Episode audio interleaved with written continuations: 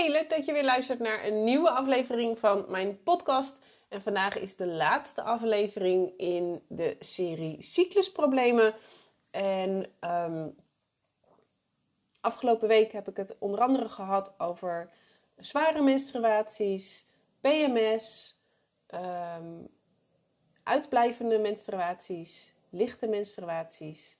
En vandaag ga ik het met je hebben over een onregelmatige cyclus en in hoeverre dat wellicht de reden is dat zwanger worden op dit moment niet lukt. Er is niks zo vervelend als een onregelmatige cyclus. Je weet niet waar je aan toe bent, wanneer word je ongesteld, hoe is je menstruatie deze keer, is hij hevig of juist licht, op tijd, te vroeg, te laat. Het kan, heel het kan je heel onzeker maken als je niet weet hoe je cyclus verloopt. Maar het kan ook de reden zijn dat je op dit moment dus problemen ervaart rondom zwanger worden. Hoe het zit, eh, vertel ik je in deze laatste aflevering dus van deze reeks cyclusproblemen. En eh, we gaan ook eens even kijken hoe dat dus je vruchtbaarheid beïnvloedt. Nou, even een korte recap. Je cyclus wordt gereguleerd door hormonen zoals oestrogeen, progesteron en uh, nog een paar andere uh, relevante hormonen, uh, zoals bijvoorbeeld het luteiniserend hormoon, het follikelstimulerend hormoon en ook testosteron speelt een rol. Normaal gesproken bestaat je cyclus uit vier fasen: je menstruatie, de folliculaire fase, oftewel hè, de, de, de periode tussen je menstruatie en je ovulatie. Dan heb je je ovulatie. En dan heb je de periode tussen je ovulatie en je menstruatie. En dat is wel de luteale fase of de tweede helft van je cyclus. Een regelmatige cyclus die varieert meestal tussen de 24 en 35 dagen. Oftewel, een, een cyclus van 24 tot 35 dagen zien we als normaal. Waarbij een regelmatige cyclus eigenlijk altijd ongeveer even lang is. Plus of min 1 of 2 dagen. dus, dus gemiddeld genomen heb jij een cyclus van 28 dagen, dan kan hij een keer 27 dagen zijn, een keer 29 dagen. Maar dat is wel een beetje de, de bandbreedte waarbinnen dan jouw cyclus zich, uh, uh, zich verandert. En dat noemen we een regelmatige cyclus. En daarbij is je menstruatie ongeveer tussen de 4 en de 7 dagen. Dus niet te kort, niet te lang. Een onregelmatige cyclus is als die lengte van je cyclus of je menstruatie dus afwijkt van deze twee uh, normen. Um, en ook als de lengte uh, steeds varieert. Dus de ene keer heb je 24 dagen, dan weer 31 dagen, dan weer 35 dagen, dan weer 23 dagen. Dan weet je dat, dat er dus eigenlijk geen regelmaat in zit. Um, kan ook zijn dat je um, cyclus te kort is, dus eigenlijk onder de 24 dagen komt. Dat die te lang is, dus dat die langer dan 35 dagen is. Dat die heel onvoorspelbaar is, dus wat ik net zei, hè, dat je eigenlijk niet weet wanneer, uh, ja, wanneer je menstruatie bijvoorbeeld komt. En dit is heel frustrerend. Sowieso um, uh, uh, op het moment dat dit zeg maar is hoe het voor jou is. Hè? Dat je gewoon niet weet waar je aan toe bent. Maar het is vooral ook heel erg ingewikkeld en lastig als je een kinderwens hebt. Um, want ja, het bepalen van die vruchtbare dagen is gewoon heel erg belangrijk. En dat is heel fijn. Dat is veel makkelijker op het moment dat die cyclus gewoon regelmatiger is. Een veel voorkomende oorzaak van een onregelmatige cyclus is een vertraagde ovulatie of het uitblijven van je ovulatie. Nou, eh, hoe kan dat dan en waar zit dat dan in? Normaal gesproken vindt je ovulatie plaats in het midden van je cyclus als je een 28-daagse cyclus hebt. Dus dan is het zo rond dag 14. Daar wordt altijd van uitgegaan als de norm. het is trouwens zo dat slechts 12% van de vrouwen ook daadwerkelijk een cyclus van 28 dagen heeft. Dus zit jij, is jouw cyclus geen 28 dagen, dan is dat nog niet echt de reden tot uh, zorg. Wat een veel betere maatstaf is, is dat je ovulatie in principe 14 dagen voor je menstruatie plaatsvindt. Um, en dat is een vrij vast gegeven. Dus dat betekent eigenlijk dat op het moment dat een cyclus gaat fluctueren, dan is het over het algemeen zo dat de eerste helft, dus tot aan je ovulatie, dat daar de, um, het lengteverschil zit. En niet zozeer in de tweede helft van je fase. Um, bij vrouwen met een onregelmatige cyclus is de lengte van de eerste helft dus langer, doordat die ovulatie bijvoorbeeld vertraagd plaatsvindt. Ook kan het gebeuren dat je ovulatie helemaal niet plaatsvindt. En dan hebben we het over een anovulatoire cyclus. Nou, dat kan, dat, daar heeft iedere vrouw wel een keer zo'n cyclus. Hè? Dat kan te maken hebben, misschien ben je ziek geweest, misschien is er iets stressvols geweest, misschien is er eigenlijk gewoon niet heel veel aan de hand geweest, maar is, is die maand gewoon geen eicel vrijgekomen. Dat gebeurt wel eens. Alleen op het moment dat dat vaker gebeurt, ja, dan is er een ander, uh, dan is er waarschijnlijk wel een ander probleem. Nou, ovulatie is best wel een complex proces. Dat wordt dus gecontroleerd door verschillende hormonen, waaronder oestrogeen, progesteron, het LH, FSH, testosteron. Die spelen allemaal een rol in die ovulatie. En als deze hormonen, of, of één of twee van die hormonen uit balans zijn of niet worden, goed worden aangestuurd vanuit je brein, hè, waar eigenlijk het controlecentrum zit van je hormoonbalans, dan kan dat dus tot verstoringen in de rijping en het tot stand komen van de ovulatie zorgen.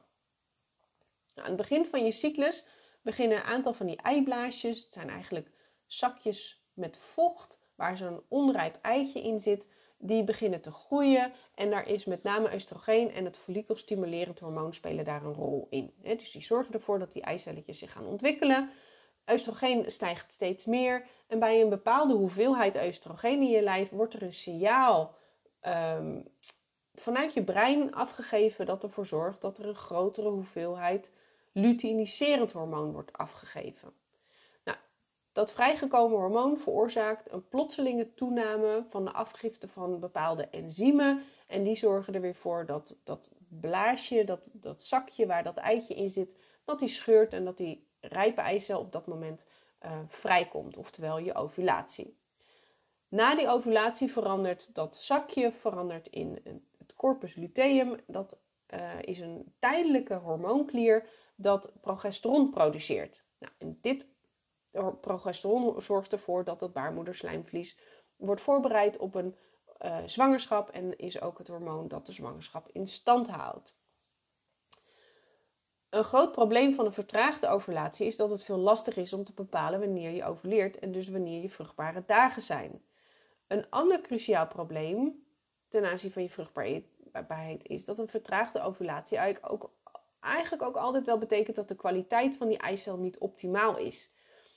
Ehm, hè, dus dus het, eitje heeft eigenlijk te lang uh, in de oven gezeten, om het zo maar te zeggen, waardoor die kwaliteit gewoon niet goed is. Of het is niet aan de juiste hoeveelheid hormonen blootgesteld, waardoor het niet goed heeft kunnen rijpen.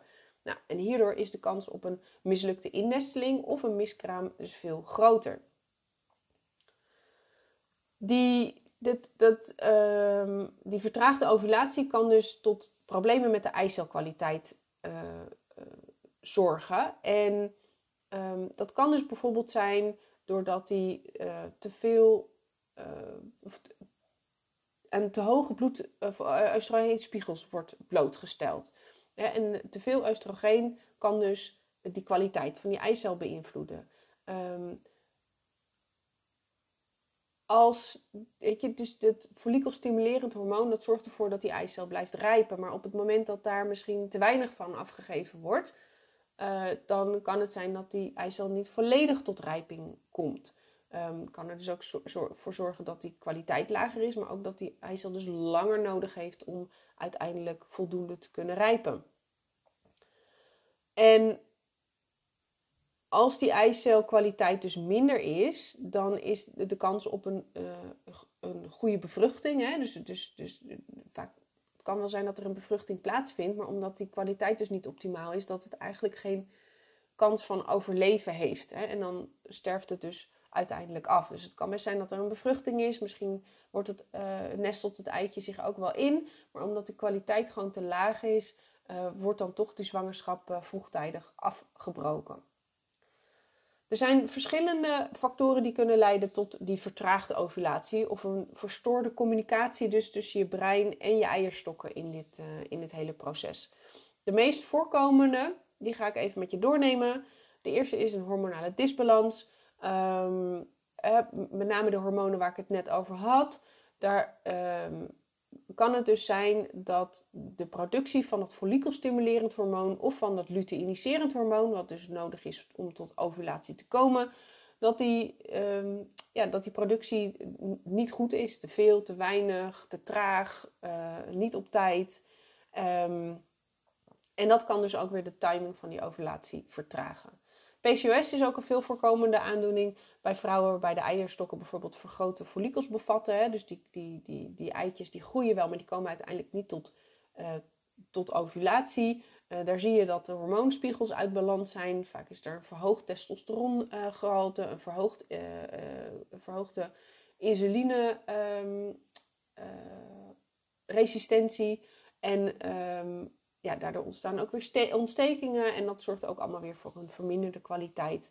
Uh, of een onregelmatige ovulatie. En vaak zie je ook dat bij vrouwen met PCOS de ovulatie ook gewoon helemaal uitblijft. En dan is het natuurlijk helemaal onmogelijk, omdat je een eicel nodig hebt om zwanger te kunnen worden. Chronische stress is echt een van de meest voorkomende oorzaken. Uh, het zorgt er dus voor dat die, die communicatielijn tussen je brein en je eierstokken verstoord wordt. Um, en dat kan leiden tot een vertraagde ovulatie. Ook kan het, uh, uh, zeg maar, de productie van cortisol, hè, wat gebeurt er bij stress, kan dus de afgifte van die hormonen waar ik het net over had, um, het groeihormoon, maar ook het luteiniserend hormoon, beïnvloeden. Uh, het beïnvloedt ook progesteron.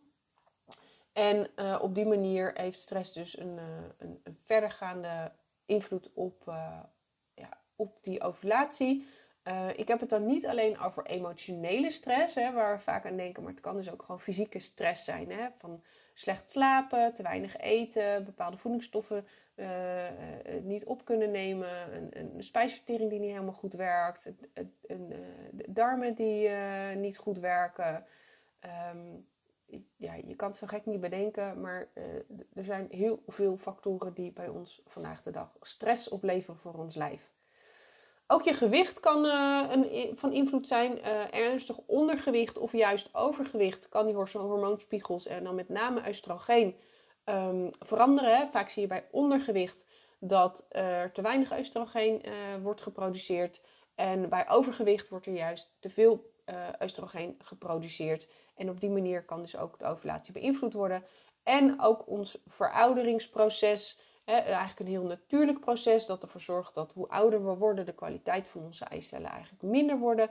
Um, ik zie wel dat er een beetje een opschuiving is van deze grens naar steeds jongere leeftijd. En daar heeft onze leefstijl echt een hele grote invloed op. We zitten vaak um, uh, binnen, achter beeldschermen. We zitten te veel, we bewegen te weinig. Um, bepaalde voedingsstoffen ontbreken.